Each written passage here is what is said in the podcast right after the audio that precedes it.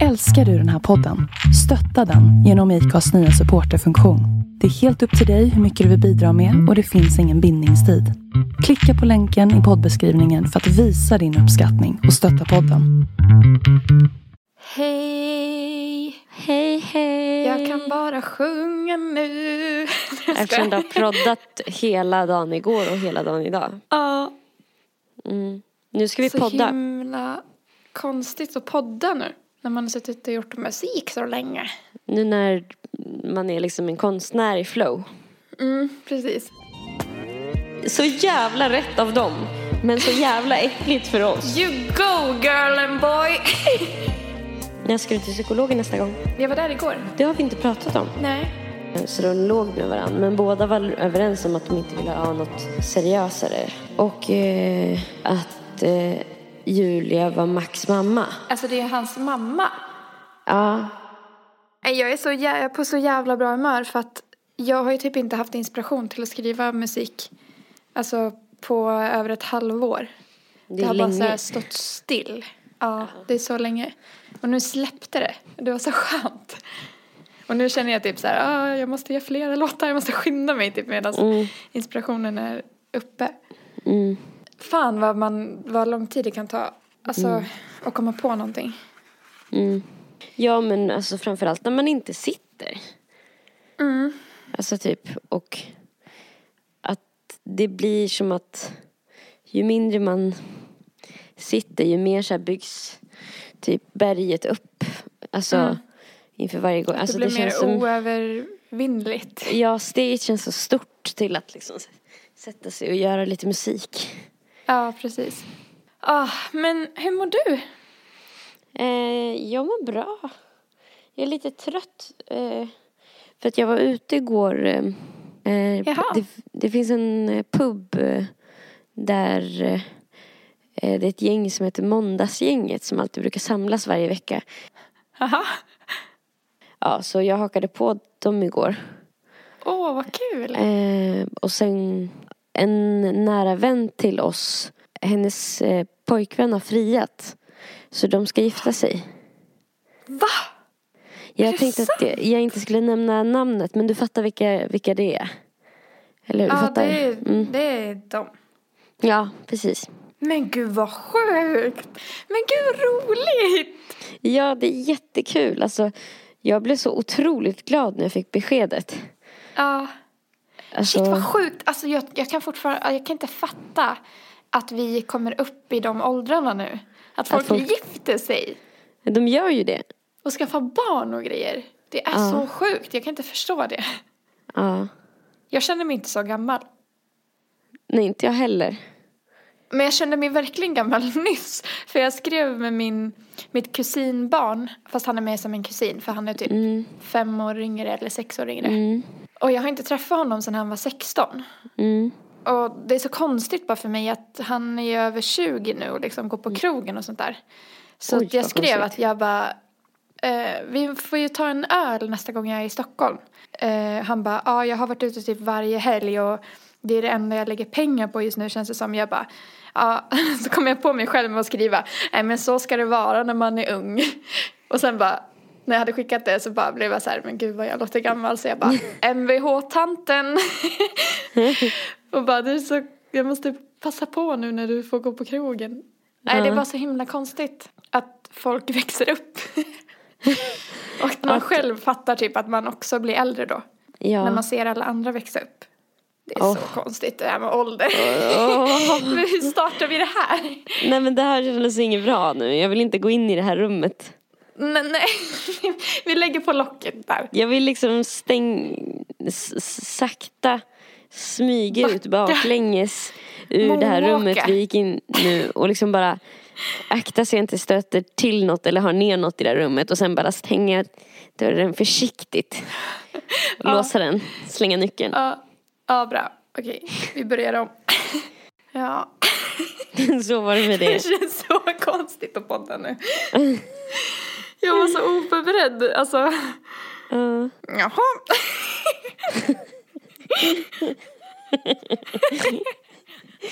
då har man en podcast. Ja, då har man en podd.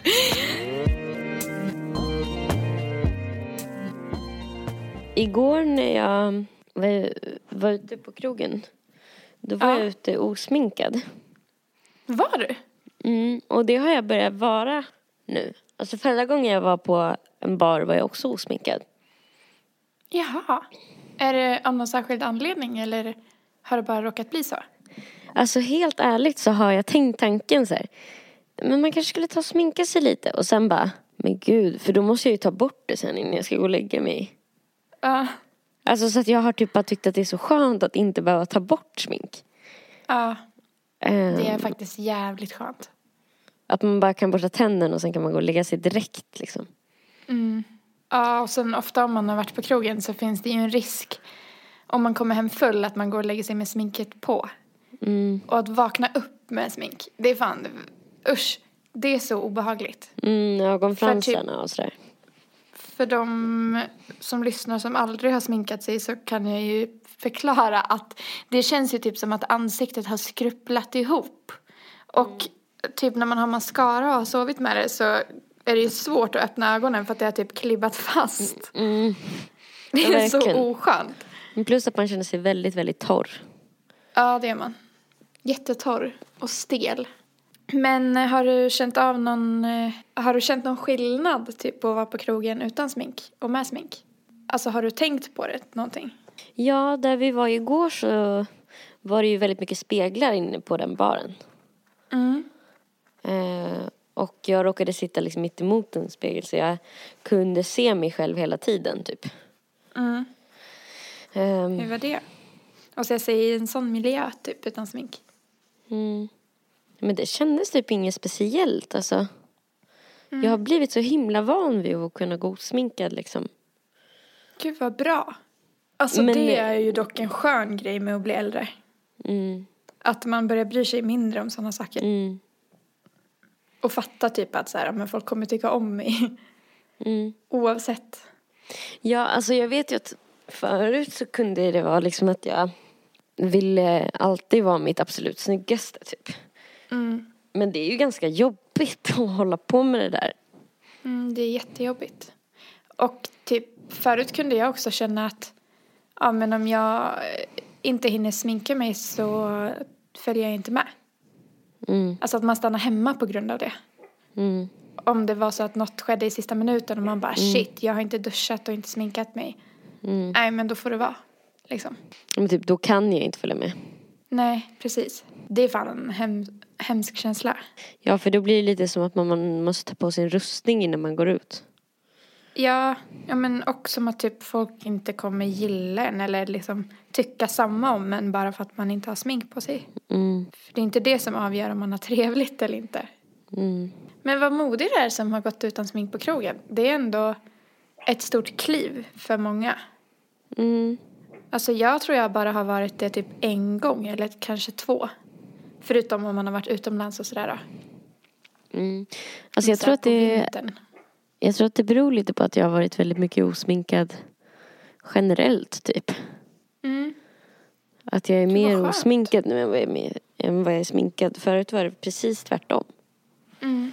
Men om man känner så här äh, den där känslan att man att det är så många steg innan man kan gå ut. Mm. V- vad skulle man kunna, alltså vad har vi på smink? Vad har vi?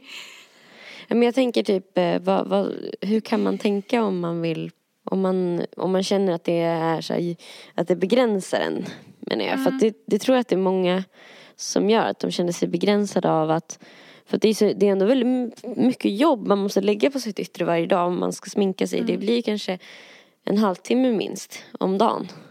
Verkligen. Och så kanske man vill fixa håret också. Då plussa på en halvtimme där typ. Mm, Ja, alltså jag är inte helt bekväm med att gå utan smink i alla, alla situationer.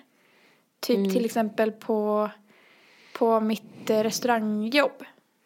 mm, Dit skulle jag inte känna mig bekväm att gå utan smink. mm, Och alltså inte egentligen ut på krogen heller. Det har hänt, men då var det ju så här. Jag kände ju typ när jag var det, det var något år sedan, att så här, fan jag hade kunnat varit så mycket snyggare nu. Men, mm. och jag var ju inte där för att ragga liksom. Nej. Så det spelar egentligen ingen roll. Men ändå så kände jag så, typ att det var så pass viktigt. Men jag hade ju jättekul ändå, men ja, du fattar. Mm. Jag vet inte vad man kan ge för tips, för att jag tänker det sitter så himla djupt hos de personer som känner så. Det är så himla kopplat till eh, ens självförtroende och ens värde. Ja, acceptans typ. Man kanske, man kanske kan börja typ utmana sig alltså i sammanhang som inte känns lika viktigt att vara fin i. Alltså att man tar små steg i taget om man vill typ. Om man känner så här, fan jag lägger så mycket tid på mitt yttre och, och att det slutar vara kul. Det är väl där någonstans Mm. det är ett problem om man inte tycker det känns kul att sminka sig utan bara som en typ ett jobbigt måste. Ett hinder också. Ja. Innan man går ut, typ. Ja, precis. dörren. Jag vet Alltså, jag har alltså, upplevt många gånger att det är en grej som har gjort att jag också haft svårt att överhuvudtaget komma iväg i tid. mm, ja, gud, jag med. Men jag tänker typ, alltså en grej man kan tänka på kanske är att ens utseende är ju egentligen inte viktigt för någon annan än en själv. Alltså det är ingen annan som bryr sig så mycket om hur man själv ser ut som man själv. Alltså jag tänker ju Nej. inte på till exempel om du inte har smink på dig. Då är det inte som att jag bara wow, är, fan är du osminkad? Du ser ju mycket bättre ut med smink. Alltså Ja. jag tror många inte ens ser skillnad. Om man är Nej. osminkad eller inte. Nej, det tror inte jag heller. Och det tror jag det kan vara... Alltså, det tror jag kan vara en bra grej att tänka på. Ja, När man vill öva på det. ja. Man kan ju kanske testa göra det till början som ett, ett kul experiment och bara se så här, blir jag bemött på ett annat sätt? För att an- Mm. Ja, förmodligen blir man över- inte det. Jag tror att man blir det. Tror du? Ja, det tror jag. Ja, det beror kanske på vilket sammanhang det är i. Ja, det tror jag. Men jag tror typ så här att man får bättre service till exempel. Mm. Om man är sminkad. Mm. Men det beror på, alltså det beror så himla mycket på kontext och liksom miljö. För att, Mm. alltså typ som på min skola, jag har tänkt på det så himla mycket att det är väldigt många som inte har smink. Mm. Och Då blir det ju kanske lättare att själv inte ha det också. det känns ju nästan som att det är fler som inte har det än de som har det. Mm.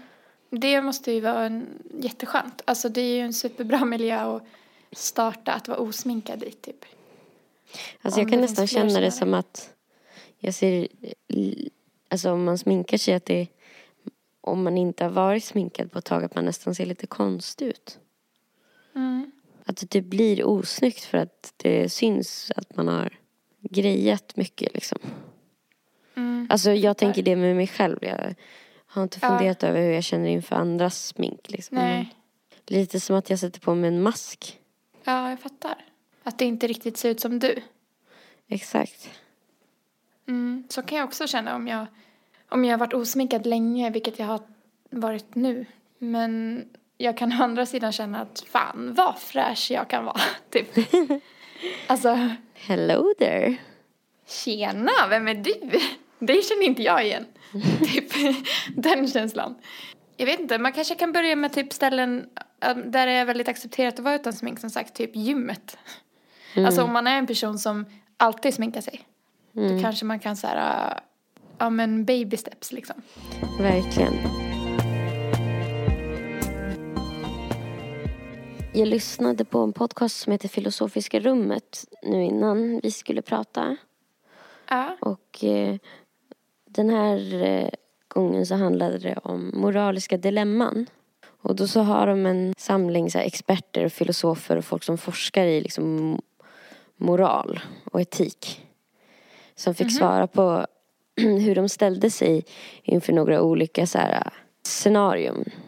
Eh, Som programledaren läste upp. Det första scenariot var en man som gick ut till affären, köpte en kyckling, gick hem och idkade samlag med den.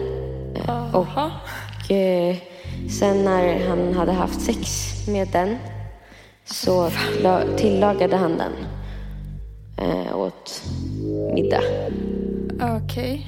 Vad tänker du när du hör det? Liksom. Alltså jag blir ju sjukt äcklad. Alltså men jag blir ju äcklad. Jag skiter väl i om han äter den efter att han har legat med den. Men jag blir väl äcklad med att han har legat med en, en ett dött djur. ja. Alltså att ligga med ett djur är ju vidrigt. Att ligga med ett dött djur är ju också vidrigt. Vilket tycker du är Alltså- värst? Ja, det, egentligen är det väl värre med ett levande djur för den känner ju smärta då. Mm. Ja, då skadar man ju någonting. Ja, precis. Ja, det blir ju extra vidrigt för mig som inte heller äter kött. Mm. Att så här, nej men det, För de pratade lite huruvida om det var, var så här att de blev äcklade, om de tyckte det var fel eller om de tyckte det var lugnt. Eh, mm, Och eh, flera av dem tyckte liksom att det är ingen som tar skada så att liksom varför inte typ. mm, Eh, och sen så var det en man som, han var vegetarian. Så han sa att det han inte gillade, eller det han tyckte var fel. Fel, där felet hände var att eh, liksom han kände så här mer äckel inför att personen hade köpt liksom kyckling. Än att personen hade sex med det eller åt det efteråt. ja, Alltså att han te- tyckte att så här, det moraliska felet låg att köpa den liksom. ja, Men det är intressant det där med liksom hur man kan känna på ett rationellt plan att så här, ja, varför inte? Det är ju en grej han gör bara med sig själv och det var inte som att han serverade kycklingen till någon annan efteråt. Liksom. nej. Heller och sådär. precis. Ehm, men sen kan man fortfarande få känslor som är så här, men gud. Motbjudande. Att det Ja. känns motbjudande. Men man typ, man kan tycka, men, eller kan man tycka så här, kan man tycka att någonting är liksom motbjudande och äcklande eh, på samma gång som man inte tycker det är fel? Ja, uppenbarligen. Alltså, så kan man ju det. Men kan Att, du, tänker du, vad tänker du, var det fel av honom? Jag känner väl lite som vegetarianen där. Ja. Att felet är väl egentligen att den här kycklingen ska behöva dö för att han ska få ligga och äta när han inte behöver ligga och äta den. Mm. För hans Eh. njutnings skull typ. Ja, men precis.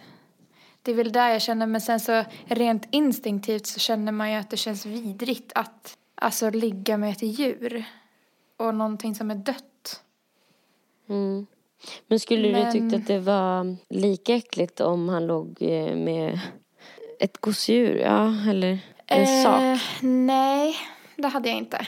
För att det här är ju en levande varelse liksom. Som Mm. då har dött. Ja, men för hans njutning. Men eh, om det var ett gosedjur med, med fårskinn?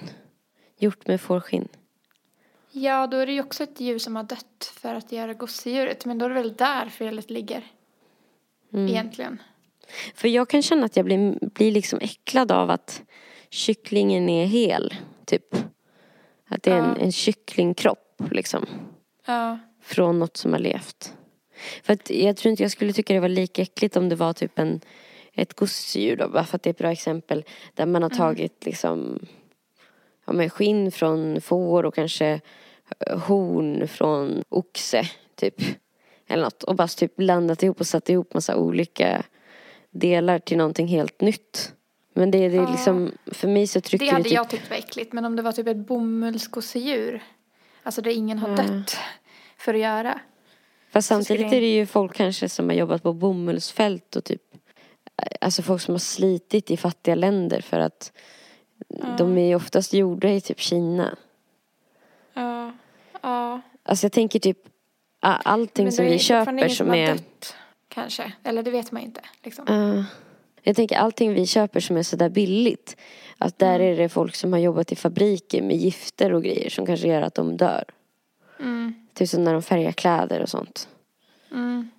Att det är så mycket kemikalier i de där klädfabrikerna. Mm. Det är sant. Men för mig känns det fortfarande värre med alltså, djur. För de har liksom inget att säga. Alltså, de har inte förmåga att kunna säga ifrån på något sätt. Liksom. Mm. De är bara, ja, jag vet inte. Men ja, det är väl på samma sätt som man kan äcklas av folk som har fetischer typ. Jag kan tycka det är lite äckligt med folk som har fotfetisch till exempel. Mm. Men det är ju, jag tycker inte att det är något fel med det. Man går ju igång på olika saker men jag tycker fortfarande personligt att det är äckligt för att jag inte tycker om fötter, typ. Mm. Är det för att man själv känner avtändning liksom av det? Ja, jag skulle liksom inte vilja att min partner tyckte om att ha sex med döda kycklingar. Alltså även om det inte är något fel förutom att kycklingen har dött då. Ja. Ja, fan vad svårt. Ja, vilken känsla är starkast liksom? Den känslan som är att det är fel att djur behöver dö för den sakens skull eller äcklet man känner inför själva handlingen när han är hem, väl är hemma med kycklingen. Mm. För, för jag kan känna att ju äcklet eller avsmaken det är en starkare känsla för mig än typ Mm. rätt och fel. Mm. Fast de är också väldigt, väldigt tätt kopplade typ. Ja, alltså äcklet är väl en känsla som kommer direkt liksom. Ja, Och sen det andra är väl när man börjar tänka till. Ja precis. När man börjar tänka typ rationellt eller logiskt vad som är rätt. Nästa dilemma de pratade om Ja. var ett scenario där Julia och Max reste på en resa och eh, de blev väldigt attraherade av varandra. Eh, så de låg med varandra. Men båda var överens om att de inte ville ha något seriösare liksom, relation. Så, det var varit liksom bara en passionerad natt liksom. Där de låg väldigt intensivt och till historien hörde också att båda var sterila så att de kunde inte få något barn. Och eh, att eh, Julia var Max mamma. Jaha, Ja. ehm, och alltså båda är vuxna. okej. Så det är liksom två vuxna människor som eh, bestämmer sig för att ligga med varandra. Och njuter jättemycket av det men inte vill ha något mer eh, långvarigt förhållande så. Nej, fan vad vidrigt. Men det är ju vidrigt. Nu känner du äckel, det är det också. Ja, som fan. Ehm, De är ju familj, alltså det är hans mamma. ja, men är det fel? Ja. man- Jag tycker det. Det blir det är- incest. Det är ingen som blir skadad. Båda vill. Båda Ja, men vill. det är ju vidrigt. och båda Hur kan man gå igång på sitt Bå- barn? Båda, båda njuter jättemycket av det som hände. Och det var Alltså, liksom härligt. Nej, nej, usch. Nej, fy fan. Men då tänker jag att alltså, det är ju en fucked up familj. Då har ju det där hållit på när de var barn också. Det känns som att det Mm. inte, alltså när, när han, Max var barn. För att det känns som att det där är ju inte en idé som bara föds hos två helt normala personer som aldrig har gjort någonting förut. Nej, men eh, scenariot är ju det. Ja, men det är Alltså, fucked för nu lägger du till an- andra grejer som inte hör till liksom. Nej, men jag tänker att det måste vara så. Att Mm. det är något som har gått riktigt snett typ. Men eh, nu, har, nu är det så att det är liksom första och enda gången det händer. Fast nej. jag skojar. Du börjar frusta. Nej men och sen så om jag frågar dig så här, ja men är det fel? Ja det är fel för det är incest. Eh, men, Ja. men, va, men på vilket sätt liksom är det För att det inte fel? skapas ett barn typ. Vad sa du? Alltså- Ja nej det skapas inget barn och det är lustfyllt och härligt för alla inblandade. Ja men där får ju du den där Alltså, känslan jag som får- bara Ja ja de, men det är fel Och man frågar dig så här vad, För jag försökte själv rannsaka mig själv och bara varför, varför är det så fel? Och man bara nej men så får de bara inte hålla på att, Så kände det jag är Äckligt. Ja, Du borde fatta bättre.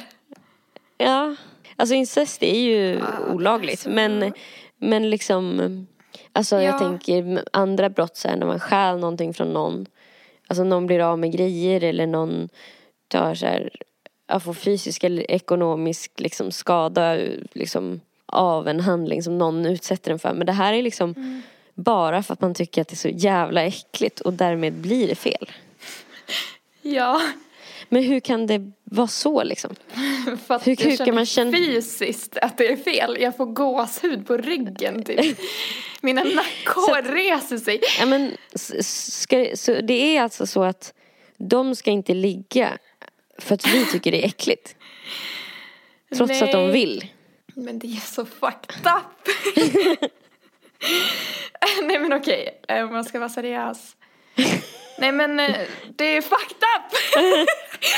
Nej. Ja, men det blir liksom bara att man, det enda man upprepar är så här, ja men det är bara så jävla äckligt. Och man bara, ja men är det fel? Nej men det är bara så jävla äckligt. Ja men Det är som att man- Sjukt, det är sjuka människor. Men så här, tänker Nej du men att... det är ju bara vidrigt. Alltså, tänker du att om man känner tillräckligt starkt, alltså om en annan person känner tillräckligt starkt att en annan person gör någonting som gör en äcklad. Om, om man tycker det är jätte, alltså inte bara lite äckligt utan jätteäckligt. Typ att du Ja. alltid äter banan så här med öppen mun eller någonting. Och jag, Ja. det för mig är det så här det äckligaste som finns. Och Ja. då borde det inte vara tillåtet. Ja. Nej, det stämmer. Det är ju inte sant. Ja, Att, jag eh, vet inte. Det är väl inte vårt- fel. Moraliskt är Ska det du inte fel, eller? Så då får du säga nu. Är det, är det rätt? Jag skulle inte säga att det är rätt. Men jag skulle Ja, men inte säga att det pröva, är... pröva och säga att fel. det är, pröva och säga att det är eh, rätt och sen så får du säga till mig direkt efter du har sagt att, det, att de gjorde helt rätt. Eh, får du Mm. säga till mig hur det kändes i din kropp när du tvingades säga att det var rätt. Något som du tyckte var så äckligt. Det är fel! Nej men kom igen, pröva. nej, men, nej men usch, jag tycker inte att det är rätt. Nej men pröva och säg det Ja. bara. Det är rätt Vilket då? att mamman och sonen ligger med varandra om båda vill och är vuxna. Är det därför det är rätt? För att de vill? Det är, det är rätt för att de båda är med på det. Mm. Okej. Du tänker så. Ja. Hur kändes det att liksom vara tvungen att typ säga det då? Det tar emot. Alltså, åh gud vad sjukt. Alltså jag tycker ju verkligen att det är fel. Fast jag fattar ju att Det är rätt. De gör det rätt, enda rätta egentligen. det kanske var lite fel. Det är så jävla rätt av dem. Men så jävla äckligt för oss. You go girl and boy. Do what makes you happy. YOLO Nej men det är väl, nej men det är väl rätt då. Helt rätt. Helt rätt av dem. Ehm, Men det är fucked up fortfarande. ja, jag har rätt. förstått att du tycker det nu. Även om det är rätt. Det är det enda rätta. Fast det är så äckligt. Både i det förra exemplet med kycklingen och det här incestexemplet så Mm. var experterna i alla fall och forskarna eniga om att eh, Helt Ja. rätt av dem. ja, att det inte var något moraliskt fel. Nej. Nej. Vilket är, är så här äh, lite spännande för med tanke på att nästa grej Mm. eh, där var de ganska eniga om hur otroligt moraliskt fel det var. Trots att Okej. det är betydligt mycket fler människor som gör den här grejen än folk som typ ligger med kycklingar eller mammor. Mhm. Det scenariot eh, byggde på eh, ett par där den ena är otrogen. Ja. Eh, så att när eh, dens partner tror att den är på yogakvällar så är den och ligger med en annan person som den har liksom relation med. Båda är lyckliga i förhållandet och eh, den här personen som blir eh, Bedragen. bedragen är också jättelycklig i förhållandet och mår jättebra med sin partner. Och eh, partner som är otrogen eh, får ju utlopp för sina mm, liksom, begär. Kan de få fortsätta hålla på så. Alltså att den ena inte får veta någonting och att den andra fortsätter. Mm. Eller när alla mår bra. Det är ju ingen som mår dåligt tänker jag. Nej, det är väl om det skulle komma fram som han skulle må dåligt kanske då. Eller hon. Mm. Den. Hen. Ja, men, Men, det vet alltså- vi inget om om det kommer komma fram eller inte. Utan det är så det Nej. ser ut just nu. Den personen kommer inte få veta och det pågår.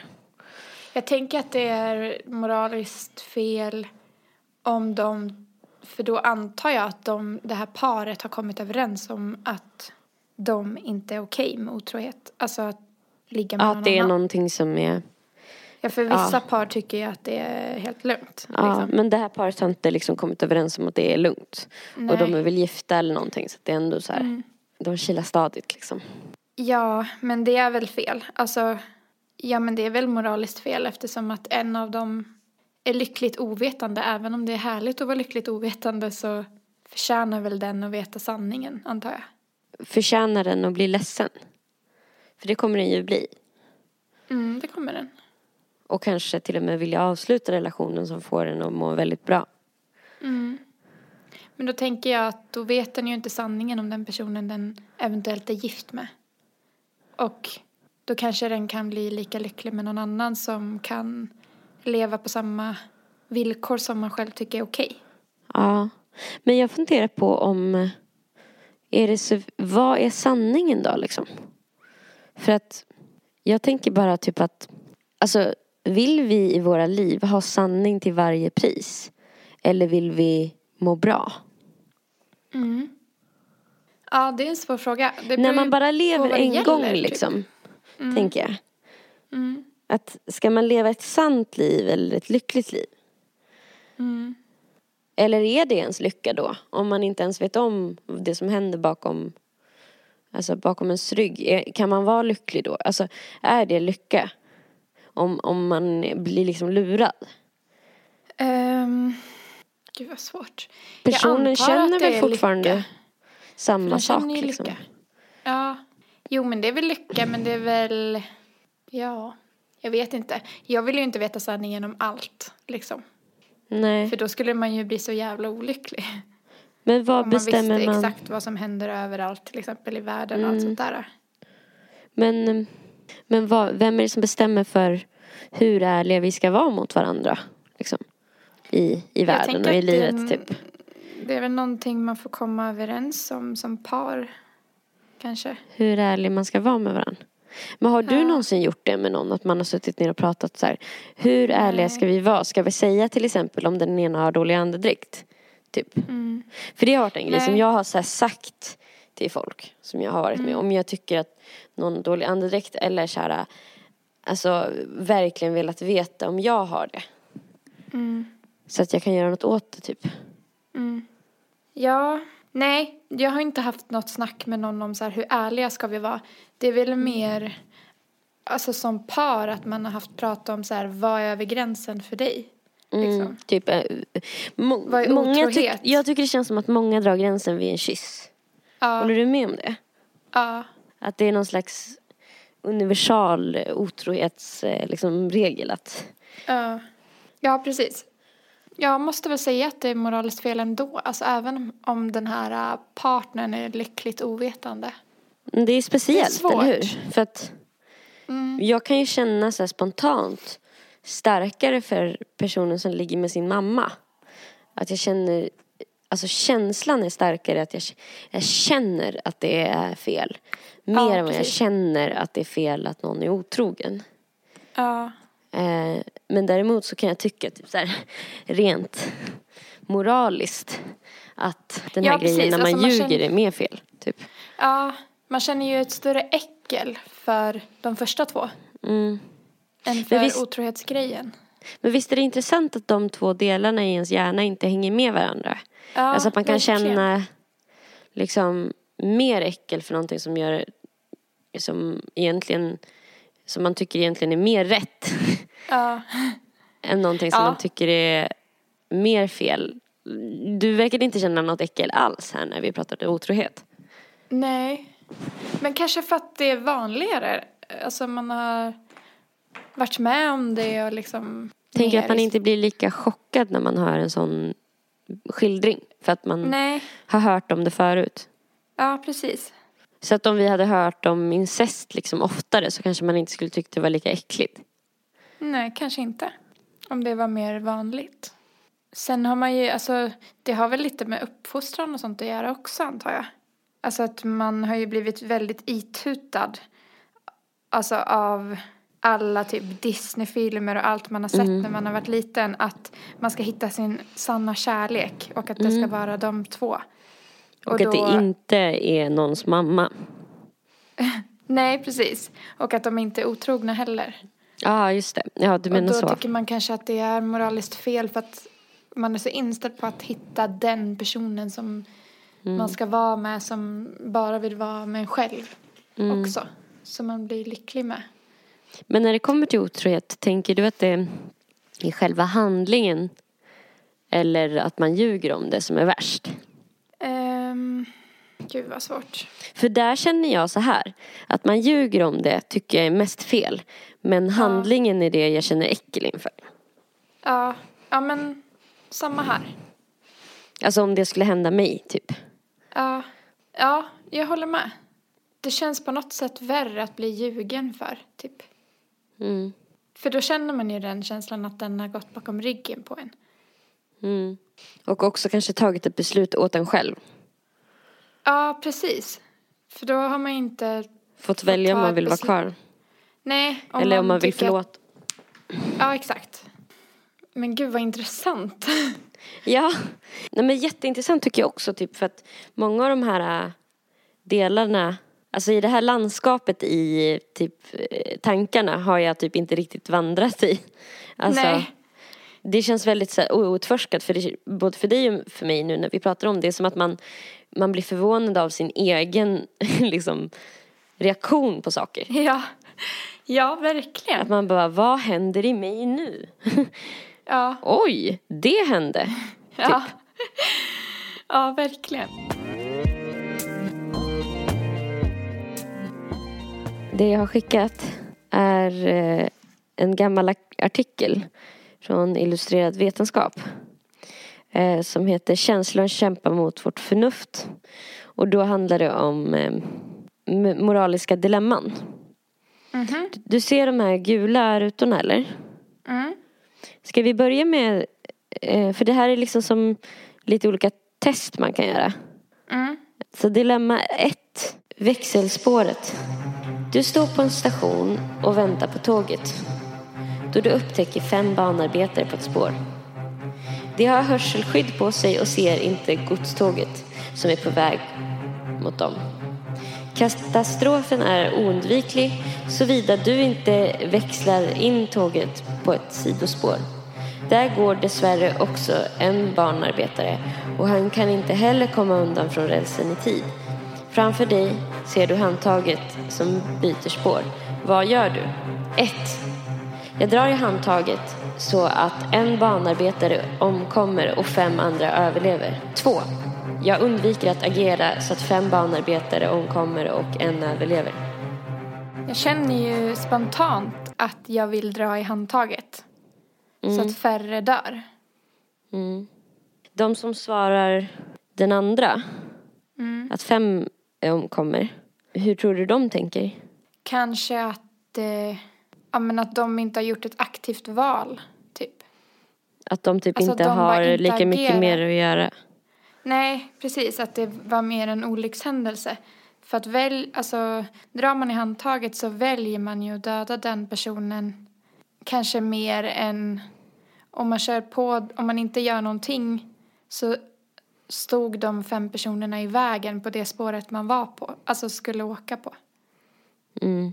Alltså jag tänker att det kanske är så de tänker. Vad tror du, vad skulle du gjort? Jag tror jag känner spontant att jag inte skulle ha dragit. Varför då? Just för att då blir det jag som dödar en person. Ja, Men indirekt så blir det ju att man dödar fem personer då. Så att det är så här, Ja. ja, det blir, du dödar ju någon oavsett. Alltså, men det är ju, alltså åker man på rälsen. Nej, jaha, man står där och väntar. Jag trodde det var jag som körde tåget. du står på en station och väntar på tåget, då upptäcker du fem... Ja. Ja, det blir ännu mer jobbigt för då är man ju inte på tåget. Alltså då har man ju Mm. verkligen inte med det att göra. Nej, precis. Det är en helt så här separat händelse liksom. Ja.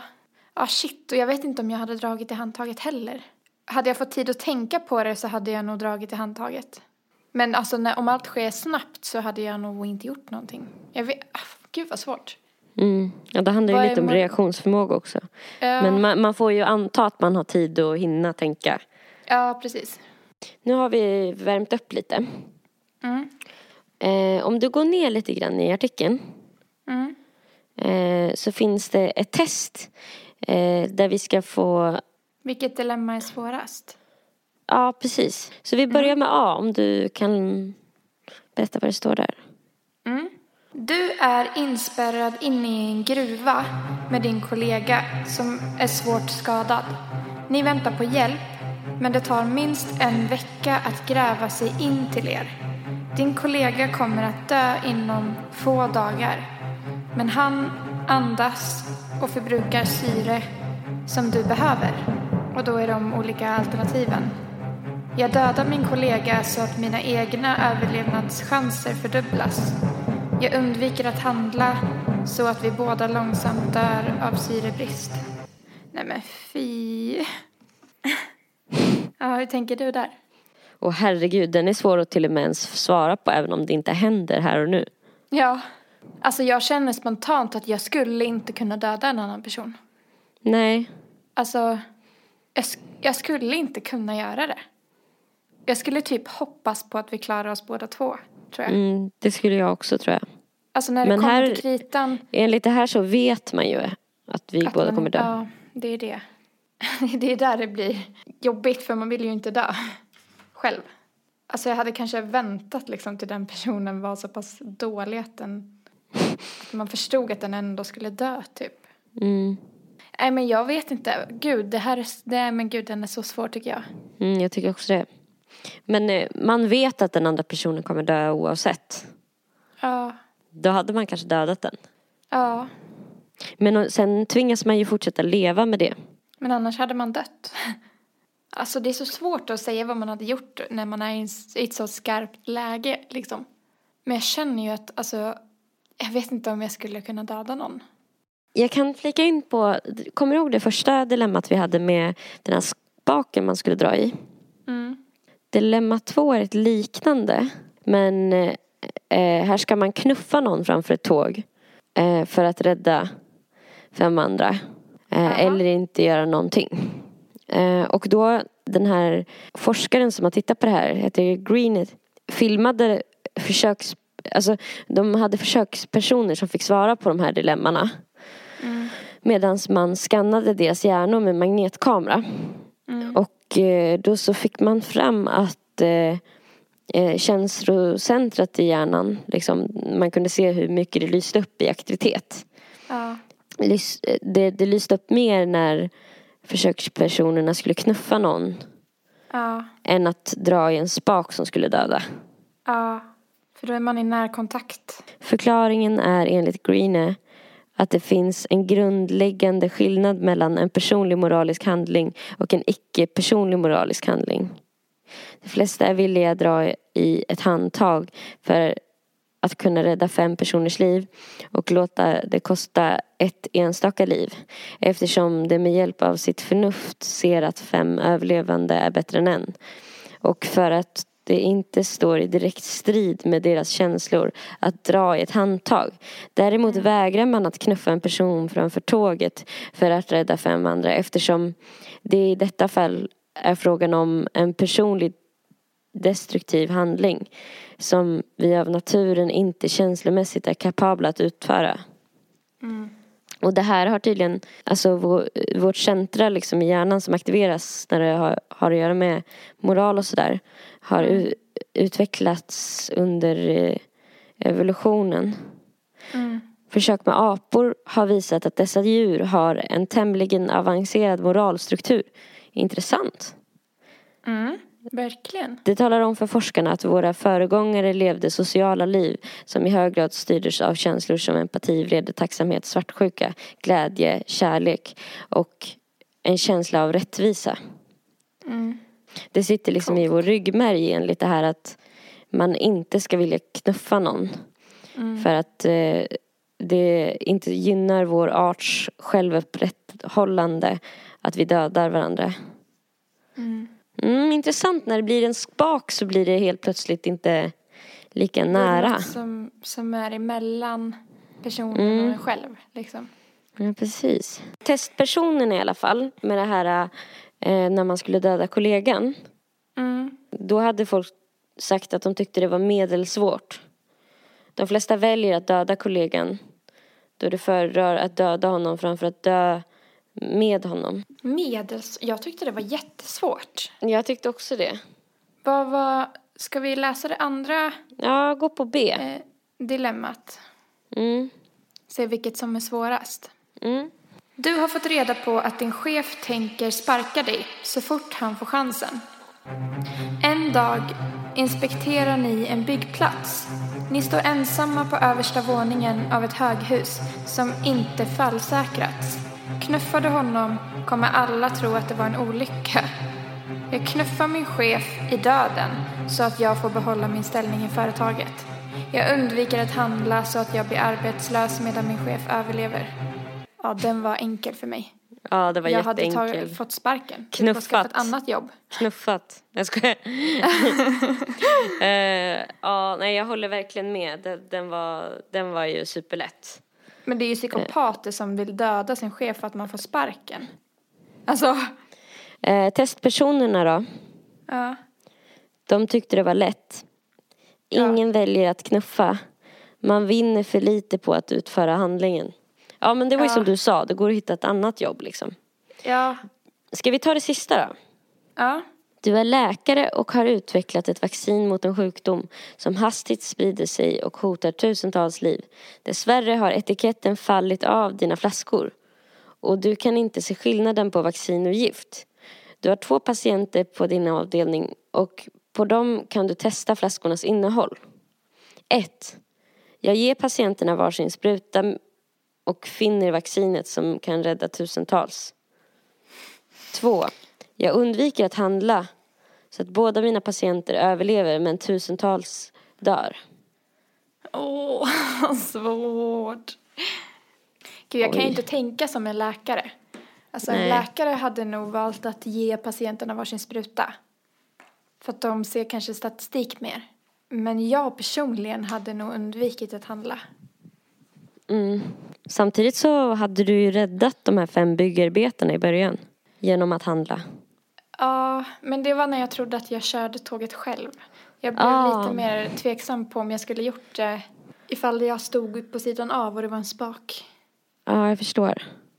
Jag kanske hade gjort det. Men det här känns mer, ja men närgånget också på något sätt. Att ge någon en spruta, då injicerar man ju direkt gift in i deras... Ja, och de behöver inte dö. Men då dör andra. Ja, fan. Det är också det att man inte ser de andra. De De tusentals. tusentals. Alltså de är inte framför mig. Hade de typ stått framför mig i rummet så hade jag ju kanske valt att rädda dem. Fler.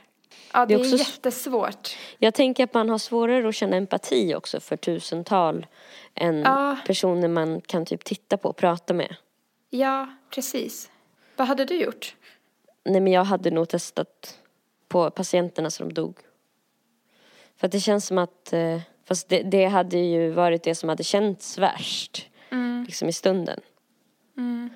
Men det, det känns som att eh, jag nästan hade upplevt det som att jag inte hade något val. I det läget. Jag tänker typ, alltså jag börjar ju tänka så här, men då blir man ju kanske anmäld för mord. Ja det är för sig sant. Vill du veta testpersonernas svar? ja, De tyckte den här var svår. ja, En liten major- majoritet väljer att testa medicinen eftersom vinsten är kolossal. Och eftersom man inte vet vilken av patienterna man dödar. mm, Ja, just det, eftersom att det är lite så här blindbock. mm. Ja men intressant. Fan, jag tyckte det var jättespännande att prata med dig om det här med äckel eh, versus liksom vad som är rätt och fel. Ja, verkligen. Att det inte behöver vara samma sak liksom. Ja, det är sjukt att man kan känna så, att det känns så fel men att, det inte, att man inte tycker det när man, alltså när man rannsakar sig själv. Mm. Verkligen. Men att instinkten är att det är så himla fel. Mm. Ja, verkligen. Gud vilken kul grej du har hittat. Ja, jag kom på, och jag blev så glad att jag kom på det precis nu när vi skulle börja. Ja, Eh, Det var ju tack vare den här podcasten Filosofiska rummet. ja.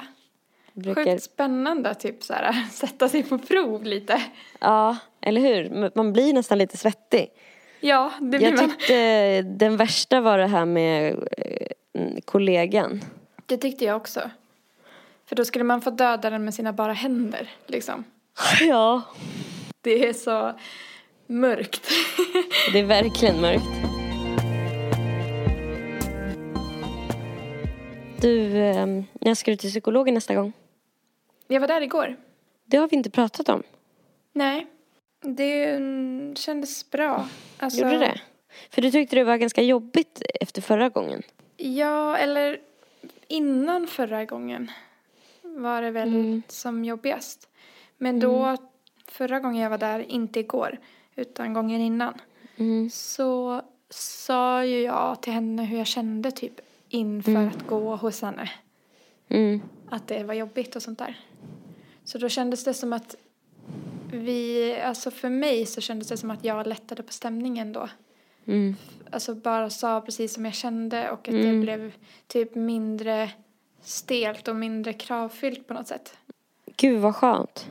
Jag tyckte det var Ja. jättemodigt, att- alltså modigt att du vågade liksom bara så här känns det att gå hit, typ. Ja, precis. Ja, det var ju jobbigt. För du hade ju kändes- väldiga liksom olustkänslor inför att gå dit. Ja, det hade jag. Jag fick alltid jättemycket ångest och sen när jag gick därifrån så hade jag alltid en klump i halsen typ så det kändes inte bra. Mm. För att jag inte kunde slappna av typ. Kändes det så igår? Mm, alltså det är alltid stelt, lite stelt. Mm. I början var det väl mer stelt men igår kändes det väldigt bra. Typ jag mådde väldigt bra när jag gick därifrån för första Mm. gången. Varför För att- tror du att du gjorde det då? Jag tror att det kanske var för att hon var, det känns som att hon slappnade av lite mer också. Ja. Och visade mig lite riktiga känslor typ. Lite mänskliga sidor typ. Ja, Psykologer kan liksom- annars kännas lite som robotar. Ja, precis. Och typ när man berättar någonting så svarar den med och hur känns det istället för att säga hur, den, hur man själv känner för det. Och det kändes Ja. som att igår så var hon liksom väldigt ärlig med vad hon tyckte om olika saker. Mm. Eh, vilket var skönt, typ för att, Mm. Få någon slags mänsklig kontakt. ja, Det finns precis. en person där inne. Ja, hon bekräftade mycket saker och sånt igår också. Mm. Så att det var, Ja, för det är lätt att känna sig lite som, eh, alltså känna sig lite ensam eller lite konstig eller lite som en labbrotta typ. Ett Ja. eh, undersökningsföremål när de bara så här, ja, så här markerar sån distans typ. ja. Nej men det var, kändes bara bra. Och sen nu ska jag inte dit på ett tag för att det är jul och nyår och sånt där. Mm. Så det Skönt kändes med lite skönt paus att det, eller? Ja, väldigt skönt och skönt att det blev typ ett bra samtal innan pausen. Ja, så att du inte behöver bygga upp någon så här motstånd till nästa gång. Mm. Mm. Det är skitbra. Så liksom eh, stolt över dig att du fortsätter gå. Tack. Jag var ju på väg att banga ett tag. Ja men man behöver hålla ut lite alltså. Det ska ju inte vara kul i början. Nej. Nej, det ska det inte. Jag har förstått det. det känns typ lite som att hon förstår mig bättre också sen förra gången när jag typ grät genom hela samtalet och så här. Mm. Sa att jag var rädd för att känna efter och sånt där. Mm. Att hon förstår lite mer hur jag känner och hur jag tänker typ. Mm. Mm. Och det känns skönt. Alltså jag är nog lite bakis alltså. Ja, jag hör det. Du har hört det säkert hela tiden. Alltså vi, i början Ja, ja. nu när vi började podda jag bara Du var helt off typ. Och jag Alltså, var jag- så fnissig så att det Jag, krockade ju. jag har sovit så lite och så bara prata så här långsamt och är så här seg. vet. Ja. jag tänkte fråga dig direkt om du var bakis men Ja. så började vi prata om annat så tänkte jag äh. Ja, men det var bra för då gick jag inte in i den känslan så mycket. Nej. Känna Utan efter. försökte bara klara av att göra en podd. Fan vad bra du är som gjorde podd fast att du var bakis. Ja, jo men det känns jättebra alltså. Och om ni tyckte det kändes lika bra som oss så får ni jättegärna gå in på podcastrappen och eh, lämna ett omdöme. Ja! Då blir vi jätteglada. Och så hoppas vi att ni blir lika bakis som Erika imorgon. För det är ju lördag. Ja! Okej, ha så kul ikväll nu. Puss och Ja. nej, på Instagram heter Nelly Nellpan, på Soundcloud heter hon Nelly mellanslag Malou. På både Instagram och Soundcloud heter Erika Zebra Track och Zebra stavas med C. Puss och kram! Puss och kram! Hej då! Hej!